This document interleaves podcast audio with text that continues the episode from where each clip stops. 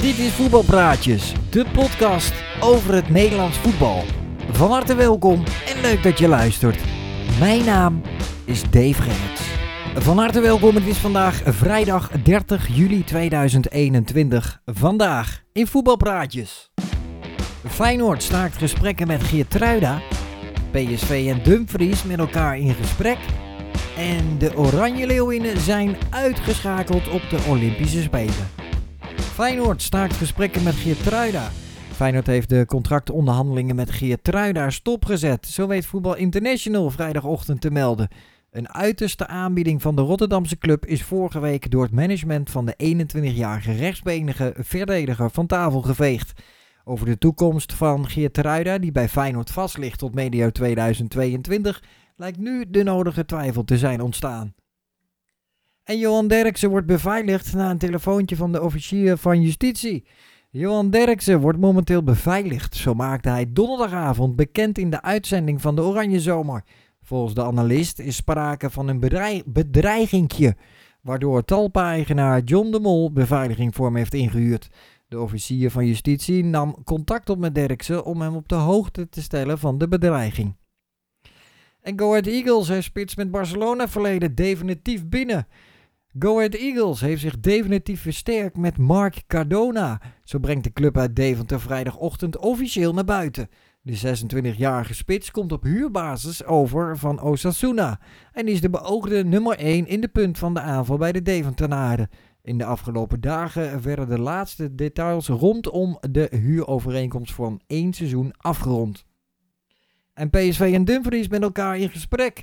PSV en Denzel Dumfries gaan deze vrijdag met elkaar om de tafel om de huidige situatie rond de vleugelverdediger te bespreken. Zo meldt het Eindhovens Dagblad vrijdag. De aanvoerder loert op een transfer, maar zag nog geen enkele club het gewenste transferbedrag op tafel leggen. Inmiddels is Dumfries teruggekeerd van zijn vakantie en vraagt PSV zich af of de speler moet worden opgenomen in de selectie in aanloop naar het tweeluik met FC Midtjylland. En Bazoer uit Wens en brengt bot van Olympique Marseille ter sprake. Het blijft onzeker of uh, Richely Bazoer als speler van Vitesse aan het nieuwe seizoen begint. De 24-jarige middenvelder werd in de voorbereiding vanwege de transferperikelen bewust afzijdig gehouden door trainer Thomas Letch. Donderdagavond had Bazoer wel een basisplaats bij Vitesse, dat in een vriendschappelijke wedstrijd afrekende met Bochum. Met 2-1 werd het daar. Hij opende in de 63ste minuut de score namens het elftal van Letch.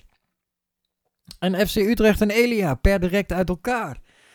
Algero Elia laat FC Utrecht per direct achter zich. De 34-jarige aanvaller had nog een doorlopende contract tot de zomer van 2022, maar de domstedelingen maken via de officiële kanalen wereldkundig dat beide partijen in onderling overleg hebben besloten uit elkaar te gaan. Elia speelde sinds vorige zomer voor FC Utrecht, dat hem transfervrij overnam van het Turkse Istanbul Başakşehir. En een doemscenario komt dan toch uit voor Sean Kleiber met een zware knieblessure.